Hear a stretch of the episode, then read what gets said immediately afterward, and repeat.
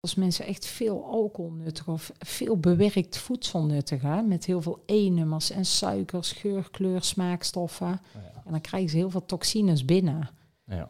denk ook aan, eh, ehm, we hebben natuurlijk ook te maken met, met eh, pesticiden, waarmee onze groente en fruit bespoten is. We krijgen stiekem best wel veel ja, gif binnen. Daar kun je ook niet, niet helemaal omheen en het klinkt vaak ook heel zwaar.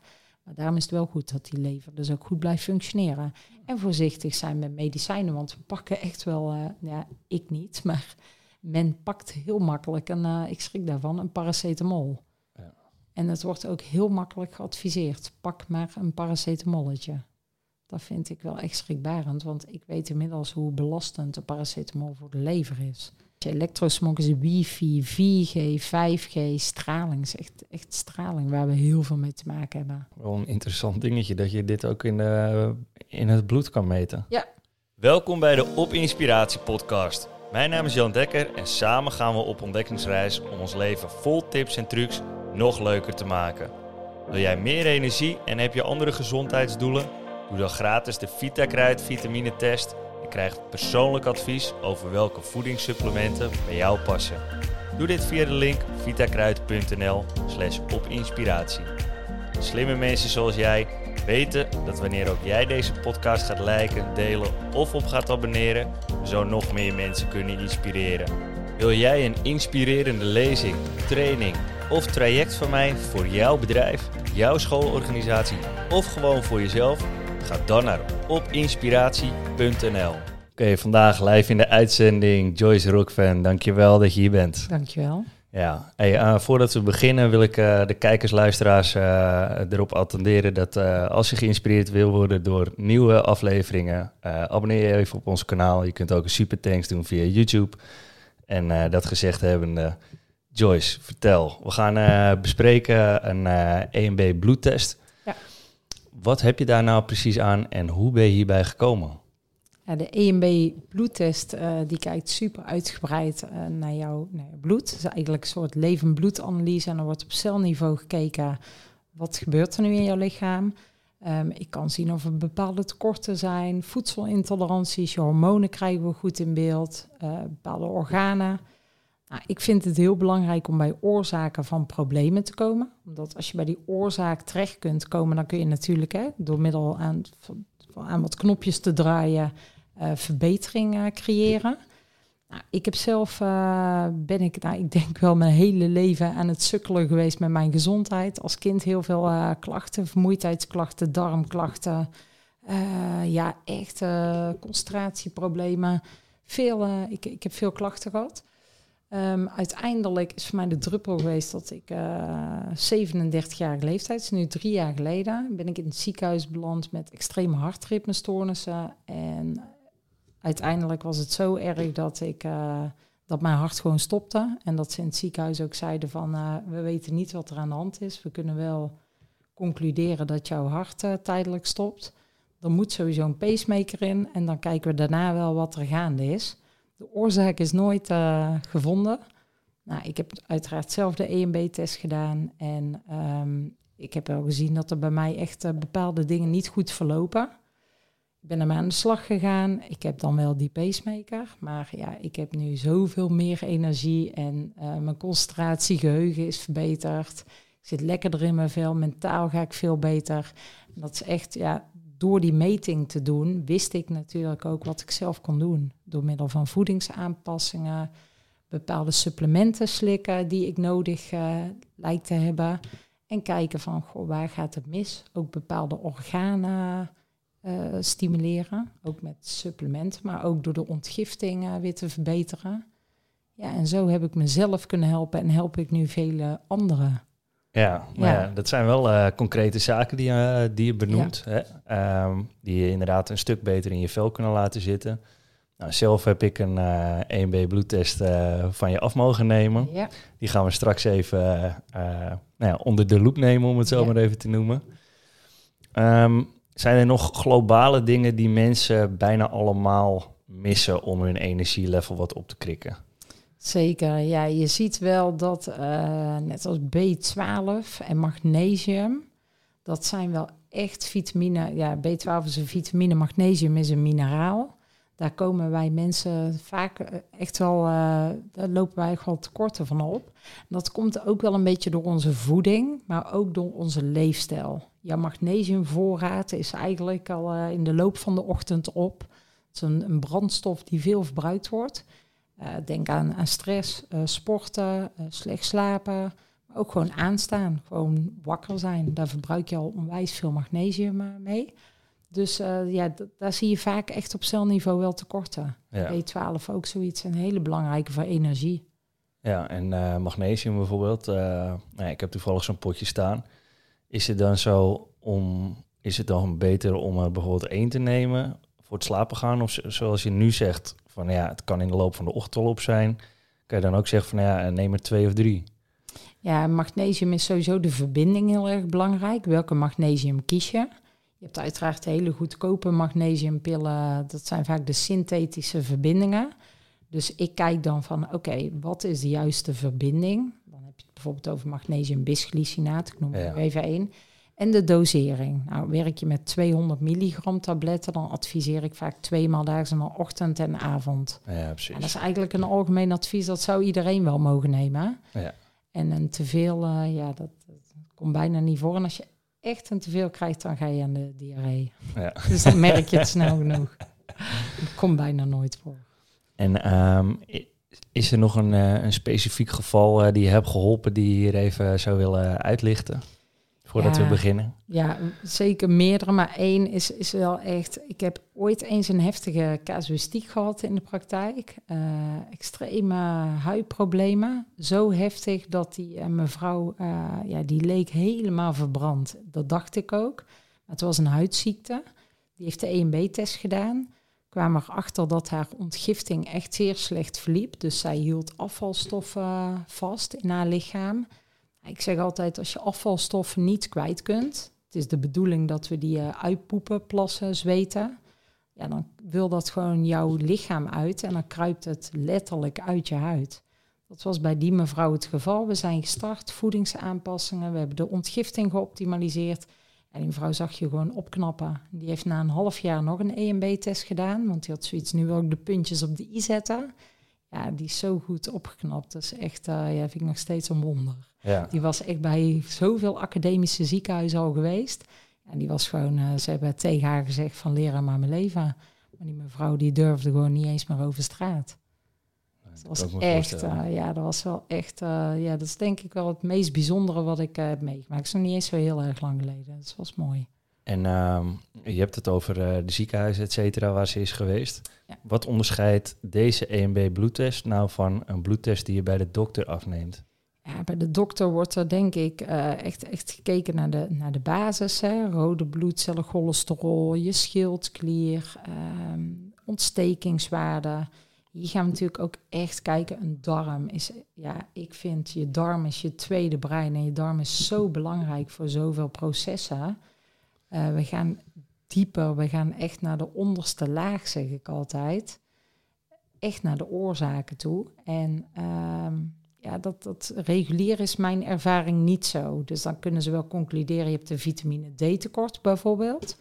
Maar daaronder kom je eigenlijk bijna nooit. Nee, nee we hebben het in, in, in ons voorgesprek hier, uh, toen we net even beneden zaten uh, te kletsen. Toen zei je inderdaad ook al dat heel veel doktoren. En ik heb hier toevallig een dokter gehad, dokter Juriaan. Ja. En die is ook uh, echt een voorstander van de oorzaak aanpakken. In plaats van vol stoppen met pillen. Wat kun je daarover zeggen, over dat pilletjes voorschrijven? En, en anders meer kijken naar je darmen, naar je tweede brein, zoals jij het noemt. Ja, nou, net als bepaalde gelukstofjes. Denk aan voor veel bekend, denk ik, serotonine, dopamine die zorgen echt wel uh, dat je je blij kunt voelen. Dat je genoeg zelfvertrouwen ervaart. Die maak je grotendeels in je darmen aan. Nou, ga jij met depressieve gevoelens naar de huisarts, dan zal die vrij snel antidepressiva voorschrijven. Soms is het even nodig omdat hè, mensen suicidaal kunnen worden. Ik wil dan weten van oké, worden die stofjes wel voldoende geproduceerd in de darm? Nou, daar moet de darm dus goed voor zijn. Die zie je ook in de EMB-test weer terug. Van doet die darm dat wat hij moet doen? Um, ja, ik wil dan heel graag bij die darm beginnen, dat die stofjes daar worden aangemaakt en vervolgens ook getransporteerd kunnen worden naar de hersenen. Dus dan gaan we weer een laagje eronder zitten. Medicijn stuurt meteen een prikkel naar de hersenen om die dopamine, serotonine een boost te geven. Maar stop jij met die medicijnen, dan ben je meteen weer depressief. Ja. Dus we proberen echt dan weer naar die darm te gaan, dat het daar aangemaakt wordt. En dan kunnen we ook weer gaan kijken van, hé, hey, wat is nog meer belangrijk voor serotonine en dopamine? En dan kom je weer bij B12, magnesium en nog wat andere vitamine, mineralen. Ja, echt naar de oorzaak dus, in plaats van symptoombestrijding. Ja, dat vooral, ja. Ja, mooi. Ja. Oké, nou dan gaan we nu uh, dieper in op, uh, op de casus uh, Jan Dekker. Ja. Nou, ik heb behoorlijk wat, wat prikjes gezet. Mijn bloed was iets dikker dan, dan de normale mensen. ja, het ging moeizaam. Ja, ja. ja, ik leek wel een heroïneverslaafd als ik naar mijn vingers keek. Ja. Maar het was gelukkig gelukt en meestal doen ze het gewoon bij jou. En ik, ik, ik heb het zelf gedaan dit keer. Maar het is gelukt en we hebben een mooie uitslag, uh, te pakken uh, weten te krijgen. Ja, um, ja uh, ga je gang.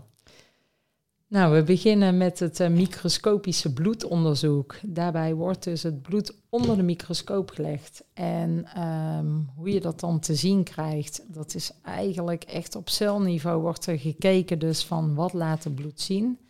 Uh, misschien leuk om aan jou te laten zien en aan de kijkers hoe dat eruit komt te zien dit is een mooi voorbeeldje. Echinocytose, je ziet daar ja. direct een moeilijk woord. Wat wil dat nou zeggen? We kijken hier, zien we verschillende kleurtjes. Je ziet hier wat groene kleuren, gele kleuren en oranje. Nou, groen is perfect, prima in orde. Uh, zo willen we het graag zien. Bij geel zijn we ook nog steeds tevreden, vinden we goed. Bij oranje begint het wat af te wijken. Bij rood is het echt een actiepunt. Nou, je ziet bij jou nergens roodverkleuring, dus dat nee. is positief. Yes. We zien twee oranje kleurtjes, echinocytose. Nou, dat zegt mogelijk iets over, uh, over de ontgifting van de lever. De lever moet toxines uh, afbreken. Daar lijkt het niet helemaal lekker te gaan. Er kan ook sprake zijn van een vochttekort. Nou, dat wil niet per se zeggen dat je te weinig drinkt. Het kan ook te maken hebben met de opname. En de zuur-bazenbalans kan verstoord zijn. Jouw pH-waarde kan te hoog of te laag zijn, te zuur of te basisch. Nou, dat gaan we zo meteen ook wel verder zien in de uitslag. Ja. Macrocytose, daar hebben we hem, de B12 ja. en foliumzuur. Hele belangrijke vitamines. Die werken ook samen. Zometeen zien we jouw B11 en B12 uh, los. Ja, en wat, uh, wat kan dit concreet voor klachten opleveren? Vermoeidheid. Het is echt wel, uh, B12 is echt energie, concentratie, geheugen, ook gemoedstoestand. Ervaar jij iets van vermoeidheid? Of ja, ik, ik, heb, ik herken me hier wel in dat ik uh, regelmatige momenten kan hebben dat ik vermoeid ben. Andere momenten ben ik weer heel energiek, maar het is bij mij wel een soort van golfbeweging, om het zo maar te zeggen. Dus ik herken wel dit, uh, dit beeld op celniveau van mij. Ja, ja, vermoeidheid is natuurlijk vaak heel lastig. Hè? Waar, waar komt het door? Het, het, heeft ook weer te maken met belastingbelastbaarheid. Ja. Als je natuurlijk knijterhard werkt en uh, dus je belasting is hoog, maar je belastbaarheid is laag, dan is dat niet in balans. Dus het is ook wel mooi daar om te kijken. We hebben natuurlijk daar ook nog de stressfactoren, ja. et cetera. Van hoe staat het met die belastingbelastbaarheid? Ja. Het is fijn als dat een beetje gelijk opgaat. Ja, voor iedereen. Ja, voor iedereen, zeker.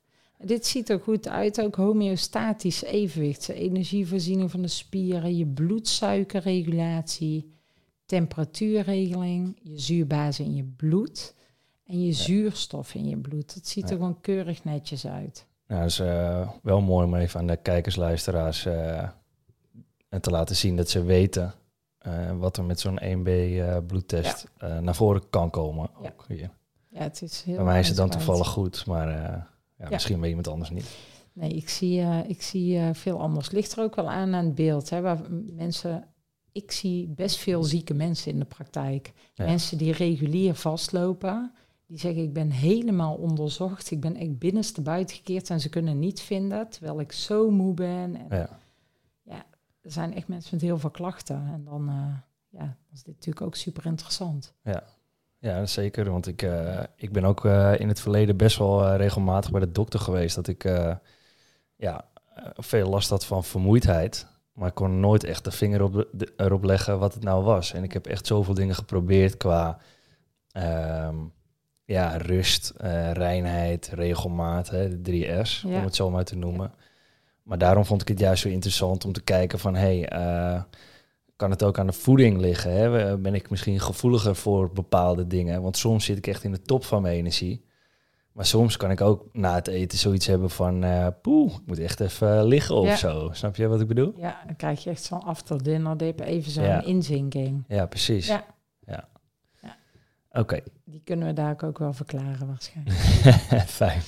Nou, je mag het zo zien, nul is gewoon prima, perfect in orde verschijnt het bolletje in rood met de 100, dan is het extreem afwijkend. Nou, dan kun je eigenlijk concluderen dat 50 en B12 55, dat kan en mag wel wat beter. Ja. Dan kun je ervoor kiezen om B12, en de meeste merken die stoppen B11 bij die B12, omdat die samen hand in hand naar de cel toe gaan. Je kunt ervoor kiezen om dat te gaan slikken, wat op zich een mooie aanvulling zou zijn, maar het is ook fijn om te weten van, hé, hey, maar oké, we gaan het extra suppleren.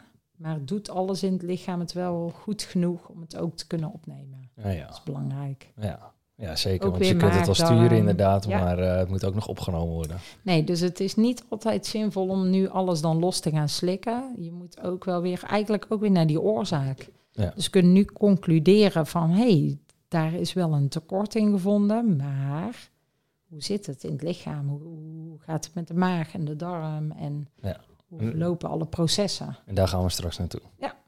ja Dus we kunnen nu concluderen, hier ook onder andere vitamine D. Vitamine D vind ik nog niet heel erg slecht. Je ziet hem in 35 liggen. Ik, heb, ik slik vitamine D3. Ja. Is dat... Uh...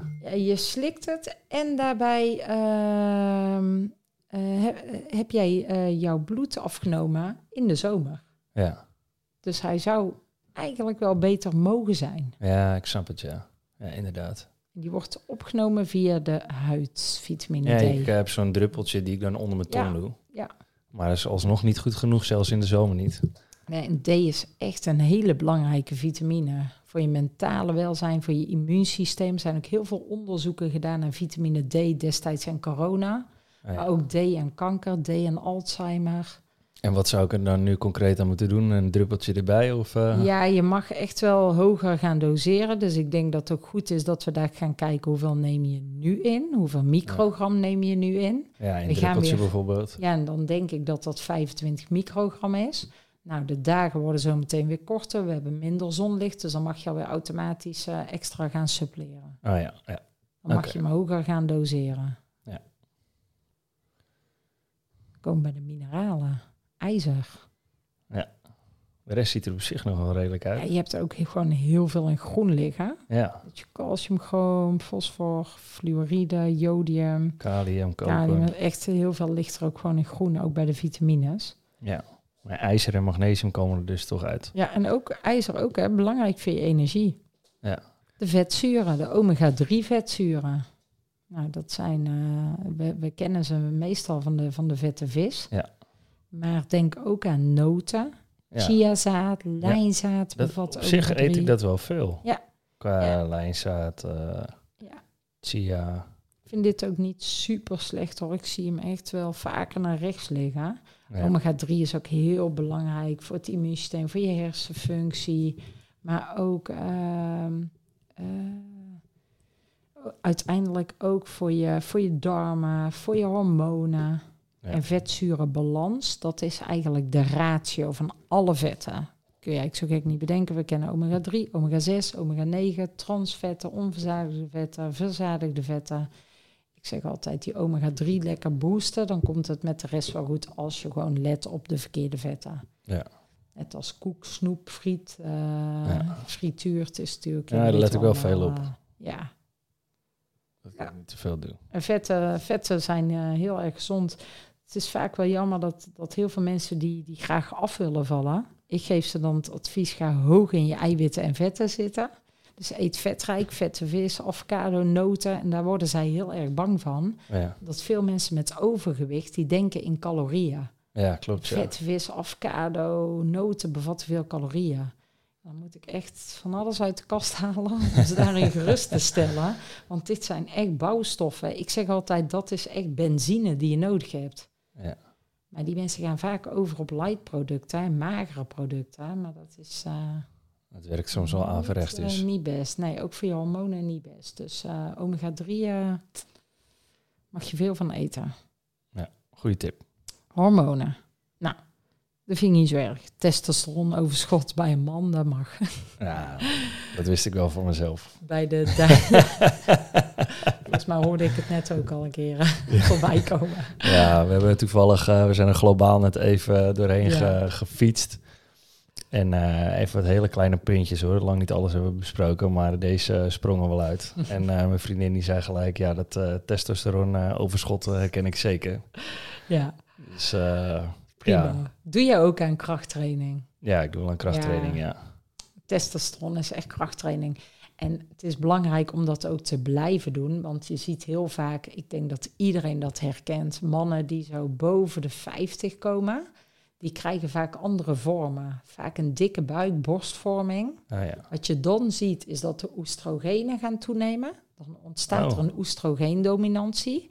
En dan staat er vaak een testosteron tekort. Ah. Oestrogeen is een vrouwelijk hormoon. Ja, ja, ja. Dan gaan de vrouwelijke hormonen toenemen, waardoor dus ook vrouwelijke vormen ontstaan. Dus die mannelijke uh, borstjes. Ja, en dan zeg ik ook, ook bij echt mannen, ja, eigenlijk voor iedereen, ook vrouwen, uh, doe aan krachttraining. Super belangrijk. Ja. En voeding, hè. Het is natuurlijk als je heel, heel hoog in je koolhydraten zit en suikers en verkeerde vetten, dan ga je oestrogeen ook toenemen. Ja. Testosteron is uh, voor de man een hele belangrijke. Fijn. Dus uh, overschot, ja, te is nooit goed, maar je maakt me niet zo zorgen omdat ik bij de rest verder geen afwijkingen zie. Ja. Neurotransmitters. Ja, ik vind dit echt een heel belangrijk onderdeel. Bij jou is het gelukkig uh, over het algemeen, hè, drie van de vier neurotransmitters zijn prima in orde. Ja, de dopamine en de serotonine ja. bijvoorbeeld, die zijn perfect. Ja, die zijn perfect. En in de praktijk zie ik echt veel mentale problemen. Ja. Mensen met uh, ja, gewoon echt stemmingswisseling, uh, depressie, burn-out. En dan zie je dat die neurotransmitters echt extreem naar rechts verschuiven. Nou, wat ik altijd uitleg, een neurotransmitter is een boodschapperstofje. Die maak je grotendeels in de darm aan. Die worden dan dus gestuurd middels de nervus vagus, dat is de darm-hersenzenuw. Die staan eigenlijk met elkaar in verbindingen, de darm en de hersenen. Dus die sturen die stofjes naar boven en daar hebben ze een functie. Nou, heel belangrijk dat dus in de darm al goed zit. En dan ga je ook kijken van, hé, hey, maar wat is er dan belangrijk om bijvoorbeeld GABA weer op orde te krijgen? Nou, darm onder andere. En weet je waar GABA ook voor dient? Nee. GABA is eigenlijk echt voor, voor rust, innerlijke rust, uh, ook nachtrust. Um, goed kunnen organiseren, punctueel zijn. Daar is GABA belangrijk voor. Ja, ja. ja ik herken wel wat je zegt. Ja, goed om dat uh, tot me te nemen. Ook tijd, op tijd uh, de rem intrappen. Als je te veel aanstaat, hè, dan ga je vaak maar door. GABA is ook echt uh, tijdig even tot stilstand komen. Ja.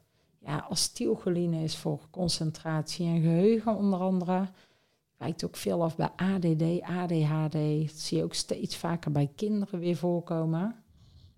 Dopamine inderdaad voor de actie, doelgerichtheid, besluitvaardigheid, blijdschap, genot. Nou, dat zit goed. Ja. Serotonine ook van opgewekte gemoedstemming. En serotonine is heel belangrijk om melatonine aan te maken. Voor ook goed in en doorslapen. Ja, om in te slapen ja, ook. Ja, ja, ja heel belangrijk. Ja. Dus dit zijn wel echt, uh, dit, dit is een belangrijk stukje. Ja, mooi om te, om, om te testen ook, ja, inderdaad. Ja, Geeft je goed inzicht. Ja, zeker. Nou, dan gaan we eens even bij de stress kijken. ja. Wat je hier ziet, endorfine. Endorfine is ook een gelukshormoontje. Die maak je helemaal genoeg aan, dus dat is prima. Ja, Oxytocine. Het, kan ook niet anders met uh, twee prachtige nee, kinderen toch? en een leuke vrouw. Daarom, dus dat zit helemaal goed. Daar hoef je ook niks aan te veranderen. Mag je zo laten. Mag je zo laten. Mentale of emotionele stressreactie, ja, dan schrikken we vaak. Dan denken we, wow, heb ik zoveel stress? Eigenlijk is dat wel normaal. Iedereen heeft stress. Is het niet werkgerelateerd, kan privé zijn, financieel, gezondheid, noem het maar op. dat is ook niet zo heel erg. Wat wel interessant is, is om dan vanaf daar naar die sympathische verstoring te gaan. Als die hoog is, extreem verhoogd, dan kun je echt richting een burn-out gaan. Want dan die sympathicus is het actieve deel van je hersenen. Parasympathicus is het rustige deel. Die wordt aangesproken tijdens mediteren, mindfulness, wandelen in de natuur, yin yoga, noem het maar op. Nou, bij jou is, is dat is gewoon goed. Er is geen sprake van een sympathische verstoring. Dus mijn wandelingetjes in de natuur uh, doen het goed. Ja, die zorgen voor die balans. Ja. Dus dat is wel belangrijk. Terwijl zien is een verlengde stressreactie. Dat dat stress makkelijk kan blijven hangen in je systeem. Vaak vraag ik dan ook meteen van, goh, ben je ook gevoelig? Ja. En een andere vraag is, uh, doorleef je je emoties? Want we hebben natuurlijk heel veel, uh, in de praktijk heb ik een emotieladder hangen.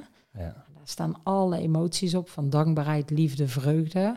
Naar de wat minder fijne emoties, denk aan angst, verdriet, zorgen, spijt, teleurstelling, boosheid, haat, ja. uh, schaamte, dat soort dingen. Vaak bij die, die, die emoties die in het rood liggen, daar willen we, daar willen we niet graag bij komen. Als we verdrietig zijn, dan willen we het heel graag oplossen. Dan willen we het begrijpen. We gaan heel snel over op vermijding of controle. We willen het oplossen. Lukt dat niet, dan gaan we vermijden. Dan gaan we afleiding zoeken. Ja. Dan gaan we een vriend bellen, de kroeg in misschien, en dan is het er ook even niet.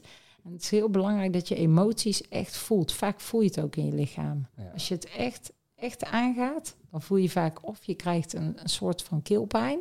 Ja of een, uh, een, een, blokkade in je maag of buikpijn. Maar vaak, als je echt bij een emotie stilstaat, dan voel je hem ook fysiek. Wat kun je daar nou uh, concreet aan doen? Hè? Want uh, ik herken wel wat je zegt hoor. Want zoals bijvoorbeeld liefde, vreugde, et cetera. Maar ook verdriet durf ik te laten gaan. blije emoties dus ook. Maar ik heb wel inderdaad dat als ik bijvoorbeeld frustratie heb over iets, dan heb ik zoiets van, nou ja, oké, ik ben mentaal, nou ja, dat zag je redelijk sterk.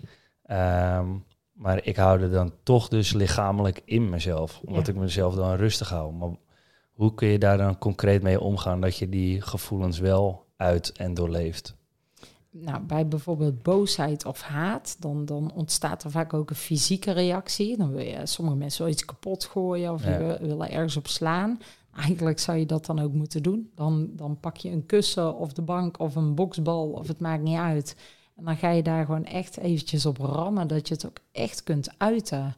Ja. Want het mag er ook gewoon zijn. En dat zijn wij niet zo gewend. Hè? Want als een kind boos is of die, die krijgt een woedeuitbarsting in de supermarkt, dan schamen wij ouders ons. En dan zeggen we, nou, doe normaal een stop. En uh, als je nu stopt, krijg je zo meteen een snoepje. Of dan gaan we zo'n ijsje maar meteen controle. En als je gewoon zegt van, nou, ik zie dat je boos bent en dat mag. Nou, blijf rustig even liggen. Mama gaat een rondje lopen in de supermarkt.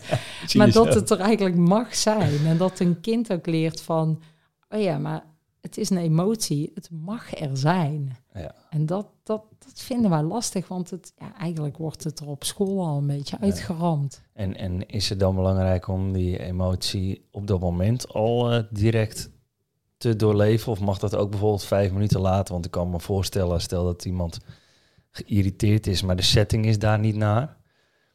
Uh, kan het dan ook bijvoorbeeld vijf minuten later dat iemand zich dan even, uh, ik noem maar wat, een kussen of een boksbal uh, pakt? Ja, zeker. Je kunt op dat moment dan heel even, ik zeg altijd naar binnen keren. Naar binnen keren doe je door, door eventjes je lichaam even na te lopen. Wat voel ik nu? En bij boosheid kan het zijn dat je je hart voelt kloppen of je ademhaling versnelt en dat je dan gewoon even je hand op je hart legt en dat even voelt.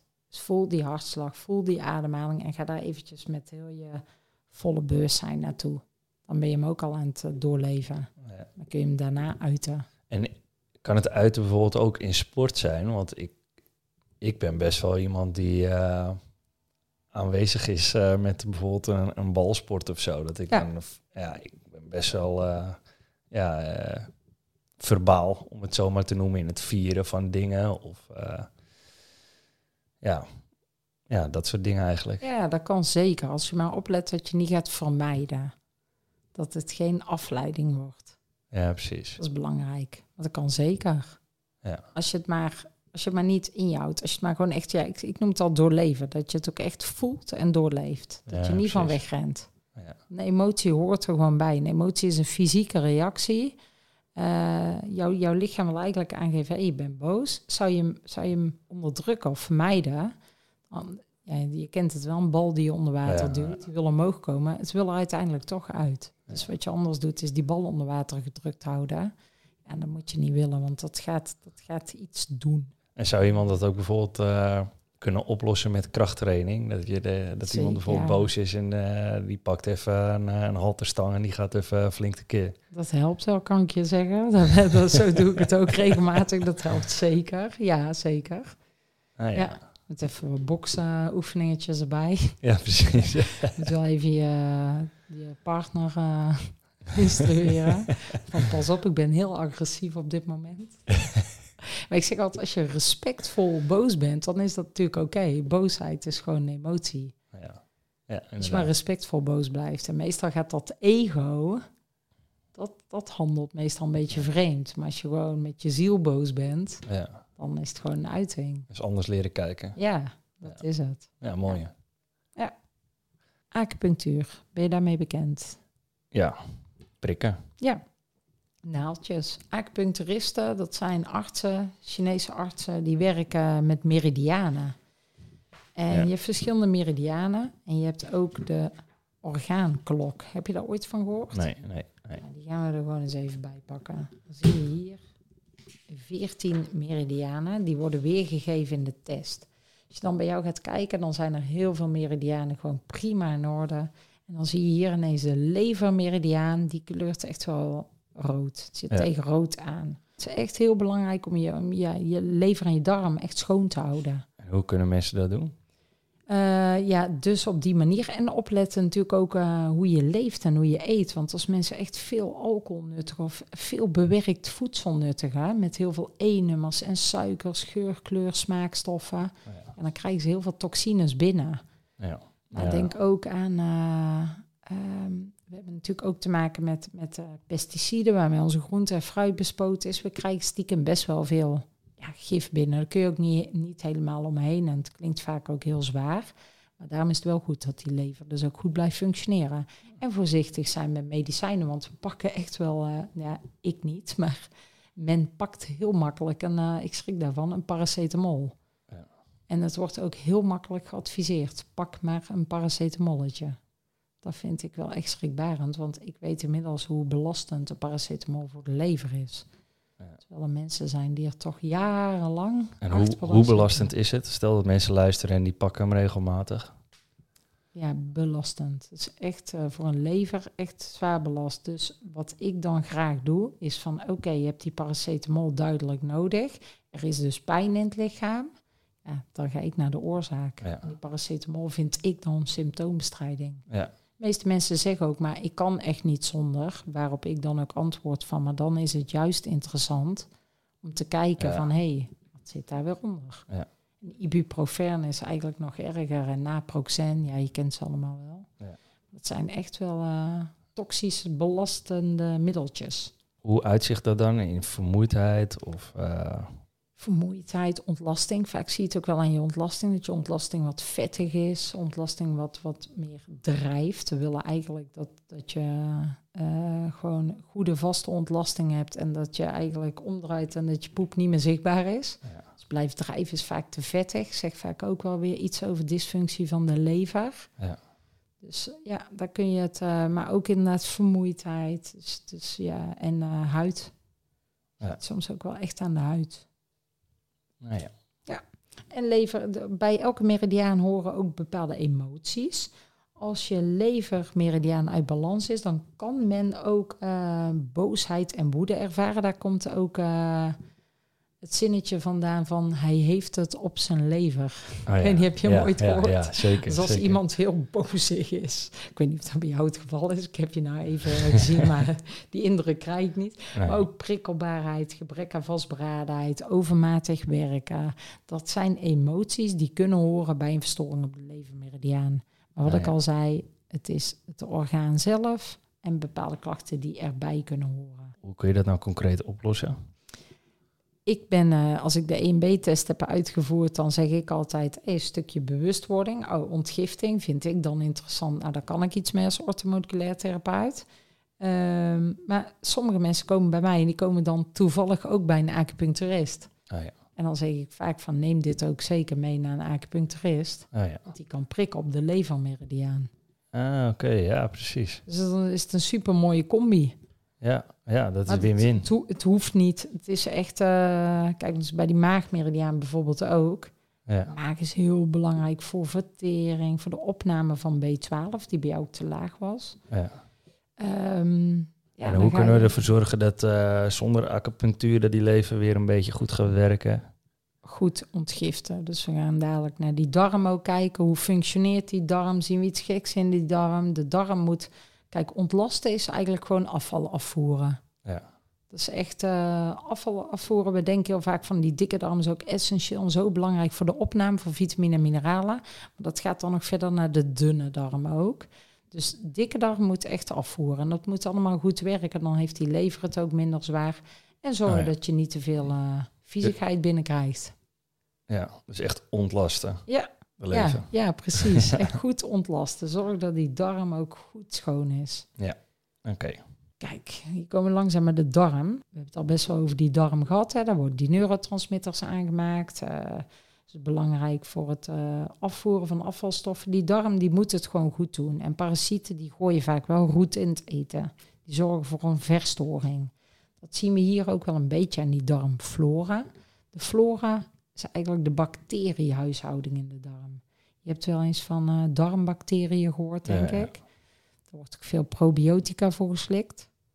Uh, maar die darmflora moet goed zijn. Um, belangrijk, hoe krijg je een darmflora gezond? Om de bacteriehuishouding te optimaliseren.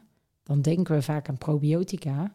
Maar het is vaak ook weer symptoombestrijding. Want een darm moet ook wel gewoon uh, niet te veel belast worden met uh, verkeerde voeding. Ja. Dus we gaan daar ook even naar de voedselintoleranties kijken. Of jij niet te veel stoorzenders binnenkrijgt. ja, dat is een uh, hele belangrijke. Ja, dat is een hele belangrijke. De laatste pagina. Ja. Houd het spannend.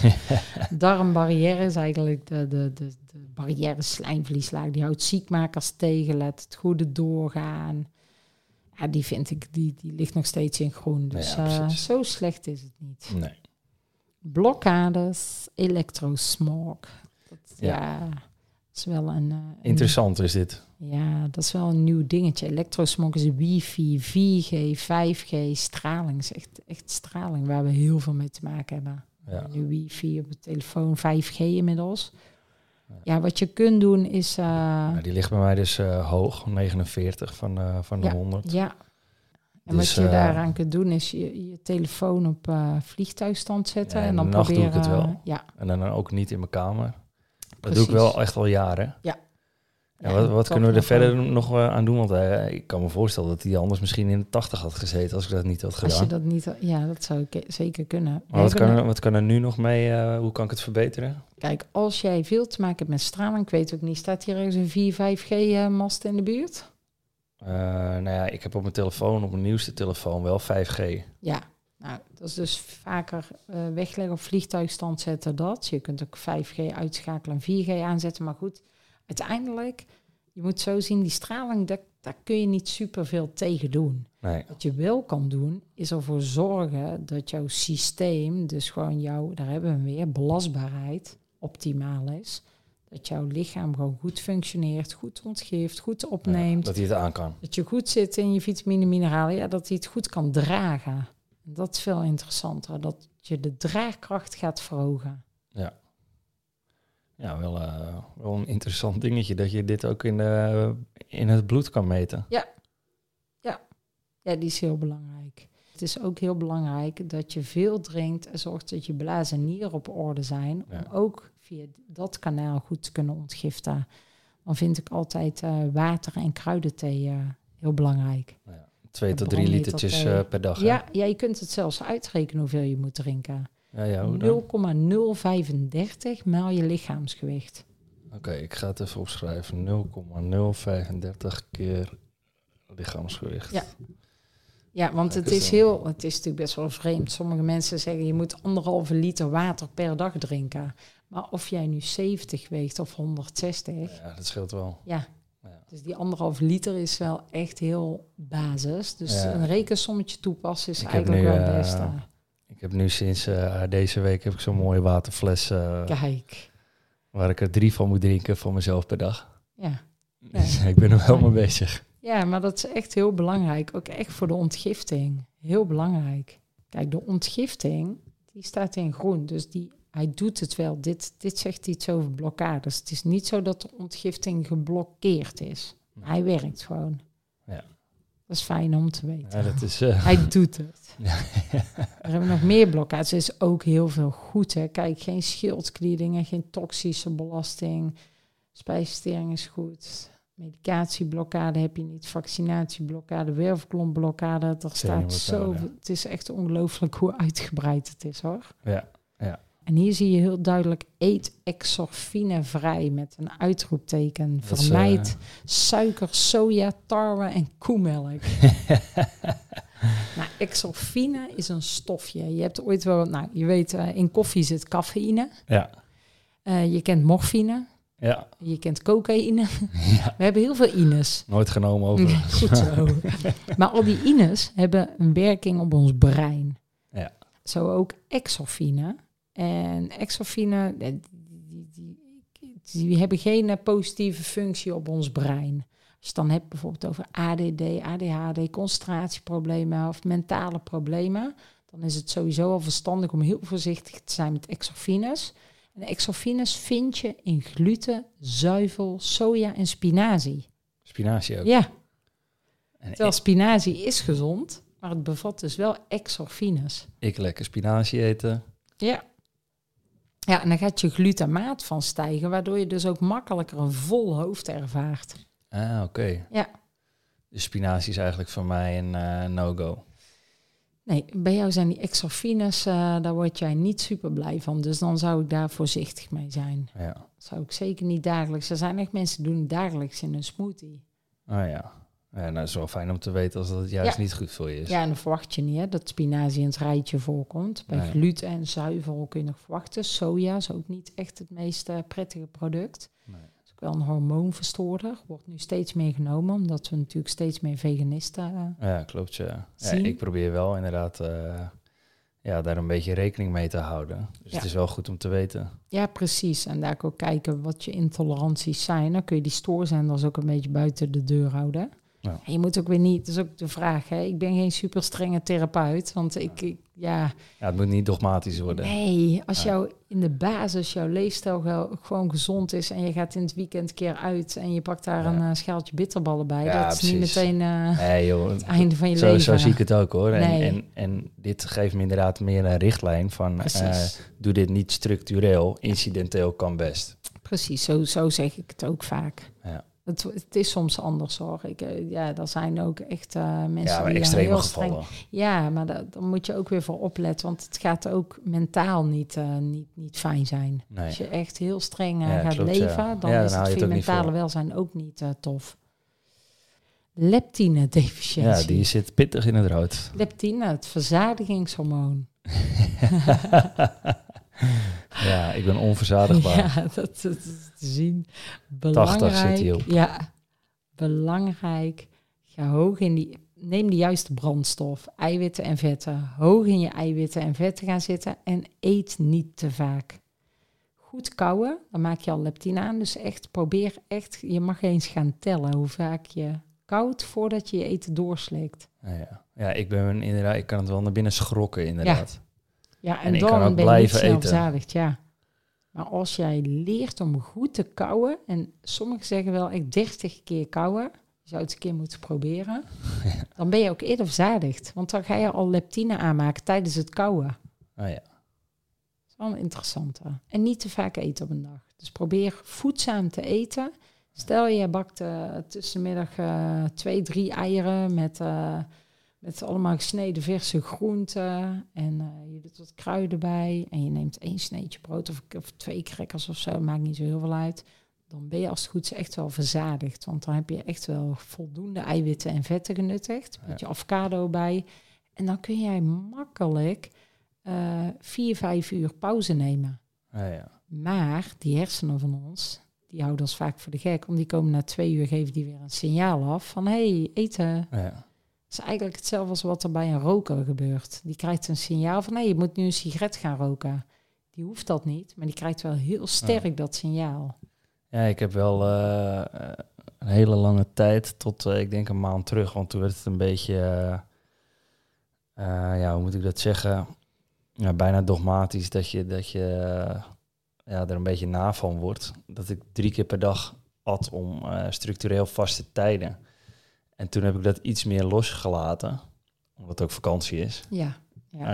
Eh, maar misschien moet ik dan toch weer iets terug naar, eh, naar het drie keer per dag eten. Alleen ik heb zoiets van, ja, weet je, s ochtends eet ik dan bijvoorbeeld een, eh, een bak havermout met banaan, noten, twee broodjes en nog een stuk fruit. ja. En dan denk ik, ja, moet ik zoveel eten? Want ja, snap je wat ik bedoel? Ja. Ik ben echt een beetje onverzadigbaar Ja. met, met, met zo'n ontbijtje al.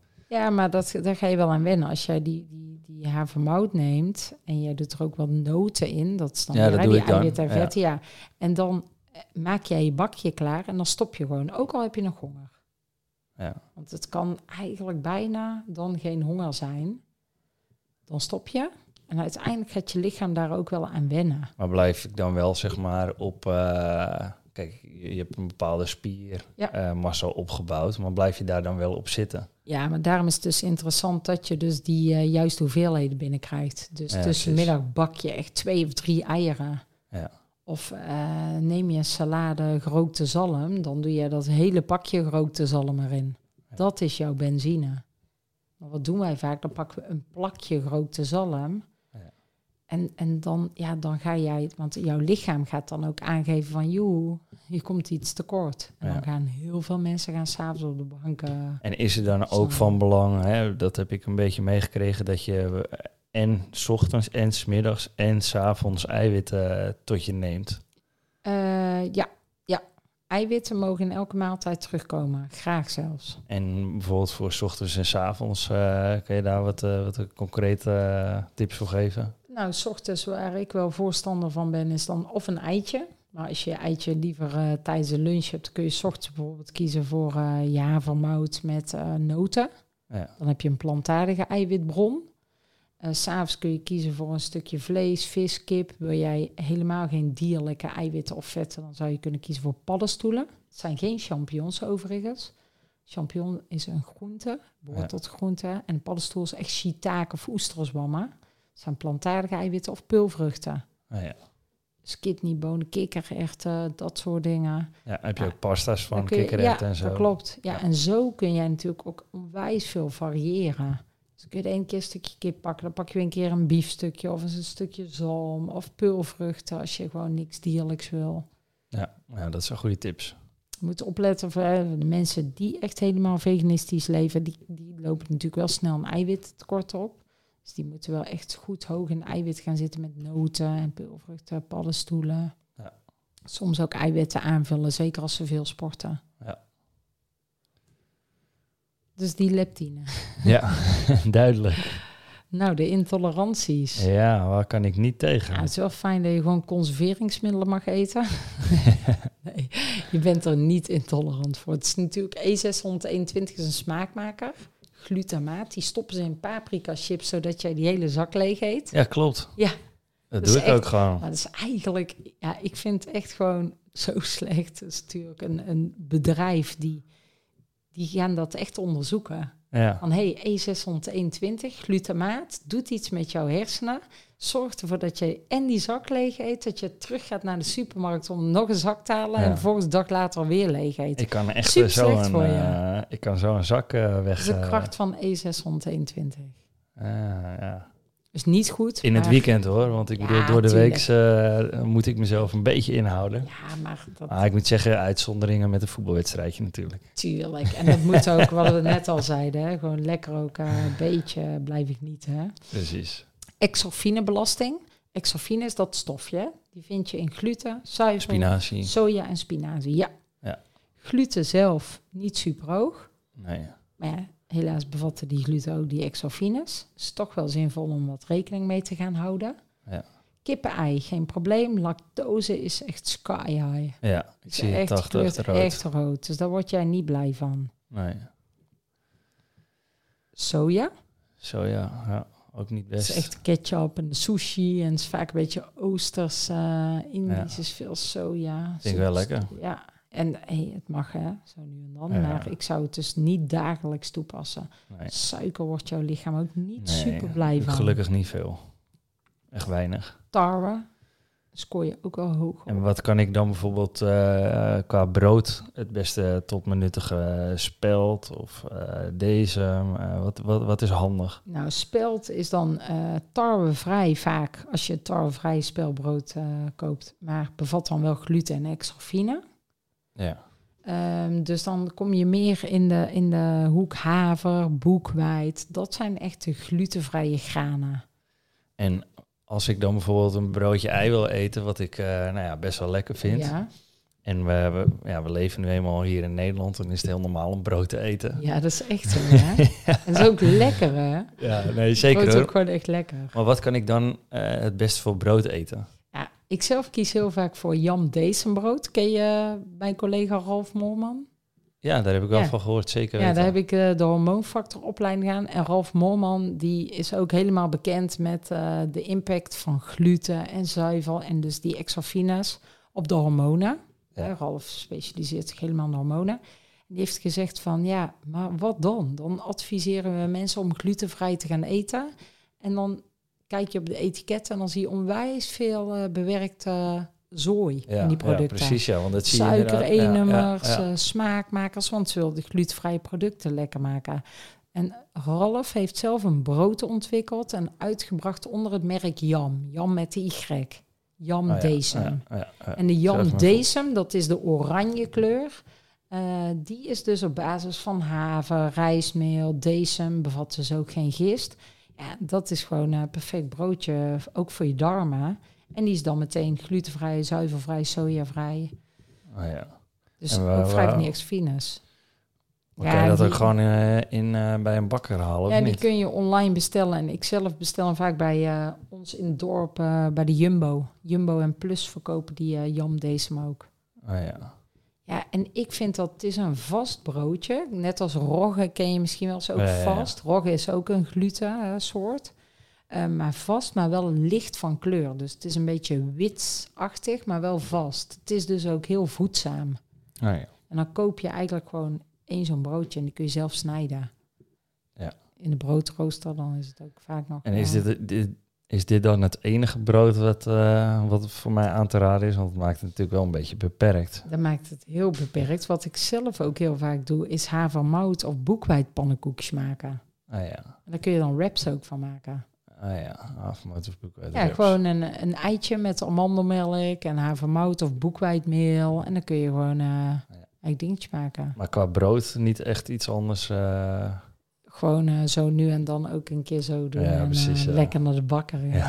ja, ja, Wij hebben in ons dorp Robert van Beckhoven wonen. Wat hebben jullie? Robert van Beckhoven. Ken je niet die Nee, bakker? Die nee. bekende bakker van de, van de hoe heet het, eh, heel Holland bakt. Oh nee, heb ik niet gevolgd. Nee, maar dat is natuurlijk echt het lekkerste brood van Nederland. Dus Ah, ik sjoemel ook zeker wel eens hoor. Ja, snap ik. Snap dat moet je ik. gewoon doen. Ja, Maar in de basis is dat een mooi alternatief. Of maiswafels, boekwijdcrackers. Dan heb je altijd, eh, die zijn altijd vrij van gluten. Ja.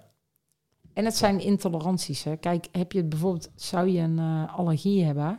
Er zijn mensen die hebben celiakie. Die mogen echt geen spoortje gluten Nee, binnenkrijgen. Ja. Kijk, bij jou is het een intolerantie. Dus dan ja, is het zinvol om op te letten. Maar hoef je ook weer niet super streng eh, te gaan doen. nee, oké. Scheelt ook veel. Ja. Ja, zuivel koe. Ja, 90, allerhoogst. Ja, en dan denk je natuurlijk, oh, dan ga ik zuivel geit eten. Lekker geitenkaasje. Maar zuivel geit bevat ook lactose. Ja. Dus dat heeft voor jou niet zo heel veel zin. Ehm, intoleranties, ja. En dan geven zij vanuit de EMB ook altijd nog een eh, suppletieadvies. Ja, de supplementen. Ja. En dan is het, eh, ik, ik stel het soms ook nog wel bij hoor, omdat ik dan vaak hè, van, van diegene het verhaal ken en wat diegene allemaal heeft gedaan en eh, hoe de leefstijl van die persoon is. Dus soms stel ik dit dan wel bij. Maar wat ze vanuit de EMB, vanuit het laboratorium adviseren, is de B12, de magnesium, spijsverteringsenzymen en de elke dag, dat is een multivitamine. Ah ja, ja. En dan eventueel bij klachten GABA. En GABA is dus die neurotransmitter die afwijkt. Ja. En klachten, dat is als je echt te veel onrust uh, opmerkt, te veel onrust in je hoofd, een vol hoofd ervaart, dan kan GABA zinvol zijn. Maar wat ik al zei, je kunt veel beter eerst eromheen gaan werken. Ja, de oorzaak. Ja, en B12 en magnesium hebben ook positieve invloed op de GABA en de vertering en dat. Ja. en dan ga je kijken, dan kun je daarna altijd nog wat ik heel vaak doe, is dan heb ik na zes weken ongeveer contact. Ja. En dan vraag ik van hoe gaat het, wat merk je, wat ze verandert, wat ze verbetert, wat kan dan nog beter. En dan gaan we de EMB-test uitslagen weer bijpakken en dan gaan we kijken welke knopjes we dan nog moeten draaien. Ja. En meestal daarna, ja, ik zie mensen uh, na zo'n test niet zo heel vaak. Nee. Want ze kunnen natuurlijk gewoon... Uh, zelf aan de slag. Ja, ze kunnen zelf aan de slag. Ja. Um, zijn er verder nog dingen die, uh, die je mee zou willen geven aan de kijkers, luisteraars wat betreft deze EMB-bloedtest? Ja, ik zeg altijd, mensen moeten sowieso... kijk, heel veel mensen vinden dit interessant en die willen graag weten hoe ze ervoor staan. Dus er zijn heel veel mensen die zeggen dan van... oh, ik wil dat ook weten, ik wil ook zo'n APK'tje. Maar er is wel echt bereidheid nodig om er ook iets mee te gaan doen. Ja. Want als jij zoiets zegt van, ja, ik, ik, kom het wel eens tegen hoor, dat mensen zeggen van, oh ja, maar dat doe ik niet. Ik blijf wel gewoon kaas eten. Ik vind kaas zo lekker, dat laat ik me niet ontnemen. Nee. Dan, dan kun je natuurlijk ook niet superveel bereiken. Nee, precies. Als mensen zeggen, ja, maar ik wil per se geen supplementen slikken. Soms is het wel nodig om weer even iets aan de gang te krijgen. Ja. Ja. Dus er, er, belangrijk dat iemand ook bereid is om dan Ja. vervolgens ook echt zijn haar leefstijl aan te gaan passen. Want het Ja. moet een soort leefstijl worden. Ja, zeker. Ja, ik, zit, ik zit zelf nu even bij mezelf na te denken bijvoorbeeld van eh, hoe is mijn bereidheid? En dan kijk ik bijvoorbeeld naar de supplementen, dan denk ik van ja, oké, dat kan ik gewoon doen. Hè? Bijvoorbeeld eh, eh, tot me nemen bij elke eh, avondeten Ja. bijvoorbeeld. Hè? Want eh, om een gewoonte te creëren moet je een soort als-dan Ja. formule gaan creëren. Want uh, dan moet je koppelen aan een bestaande gewoonte die je al hebt. Want als je, als je bijvoorbeeld zegt, nou ja, ik ga het om twee uur doen, nou ja, dan komt er altijd wat tussen. Ja. Dus stel bijvoorbeeld, eh, ja, je gaat avondeten. Als ik ga avondeten, dan staat mijn potje, die staat bij de borden bijvoorbeeld. Ja. Nou, dan neem je het in. Die heb ik toevallig van mijn zusje eh, geleerd. Ja, heel goed. Want die neemt ook de vitamintjes. Ehm, dus dan neem je het tot je. Alleen ehm, zit ik nu nog een beetje concreet praktisch te kijken naar bijvoorbeeld het stukje brood. Omdat ik dat dan toch wel regelmatig neem. Van ja, hè, eh, als ik dan zo kijk, ja, dat kun je alleen online bestellen bij de Jumbo. Ja, Dan zit ik toch al te kijken van, eh, ja, ga ik dat wel doen? En eh, ja, dan moet ik misschien maar, maar wraps gaan kopen of zo, weet je wel, om, om dat te nemen. ja. Dus dat stukje zit, daar moet ik nog wel echt concreet mee gaan puzzelen. Van, eh, snap je wat ik bedoel? ja, maar zo ben je natuurlijk ook... Wij zijn ook een soort van geprogrammeerd. Ja. Hè? Wij worden met brood, groeien wij op. Ja, precies. Ik heb het zelf ook ervaren. Ik had onwijs veel darmklachten. En toen kwam ik erachter dat granen voor mij gewoon niet goed zijn. Gewoon ook zelfs haver en mout daar blaas... Nou, nu niet meer zo, maar daar blaas ik van op. Toen dacht ik, oké. Nou, op een gegeven moment at ik 's ochtends eh, pompoensoep. Ah, ja. En toen dacht ik in het begin van, ja, maar echt, dit, dit gaan we nooit doen. Dan is het ook een soort leefstijlaanpassing. Uiteraard kwam ik er, of uiteindelijk kwam ik erachter dat ik ook heel veel dingen heel erg lekker vond. Ja. Wat dan echt, waar geen brood aan te pas kwam. Maar we Ja. zijn zo geprogrammeerd, dan ja, denken we, het is ook verslavend, want gluten bevatten extrafine en die doen iets met ons brein. Dus we vinden een boterham, de meeste mensen vinden een boterham met kaas echt heerlijk. Een beetje boter erop, roomboter. Dan heb je alleen maar extrafines, Ja. verslavend. Dus ja, je, je komt daar dan pas achter. Uiteindelijk moet, moet er iets in die programmering ja, veranderen. precies. Dat, Dat- is het. dat is het, En daar ben ik inderdaad naar op zoek van. Ja. Wat worden mij vervangers? Ja. En maar wat je zegt inderdaad, pompoensoep om, om een ontbijtje te doen met een, met een soepie. Ja. Klinkt niet verkeerd. Nee, maar dat is echt ja, super lekker, zeker in de winter. Ja. havermoutpapje of, uh, nou ja, je kunt zo gek niet bedenken. Nee, precies. En tussen de middag ook, hè, maaltijd salade, bak, een paar eieren met groenten en, en je kunt best eens een keer een boterham eten, maar als je gaat kijken, heel veel mensen die ontbijten met een paar sneeën brood, die lunchen met een paar sneeën brood. Kijk, als je dat al gaat veranderen, dan heb je al veel minder brood. Uh. En waar zou je dan bijvoorbeeld een uh, lekker omeletje op kunnen doen? Nou, op zo'n lekkere jam deze boterham of, uh, of, of, op niks. Gewoon een paar eieren bakken met groenten. Ja, precies. Dat je gewoon wat groenten ertussen doen. Ja, ja, dat is inderdaad ook gewoon hartstikke lekker. Vaak, ja. Ja, en elke dag twee, drie eieren, dat is gewoon prima. Ja, ja dat maakt niet uit. Daar heeft uh, Ralf ook wel een mooi onderzoekje naar gedaan. Die heeft heel veel eieren gegeten, lange tijd. Ja. En uh, om, om te kijken wat dat met zijn cholesterol zou doen. Ja.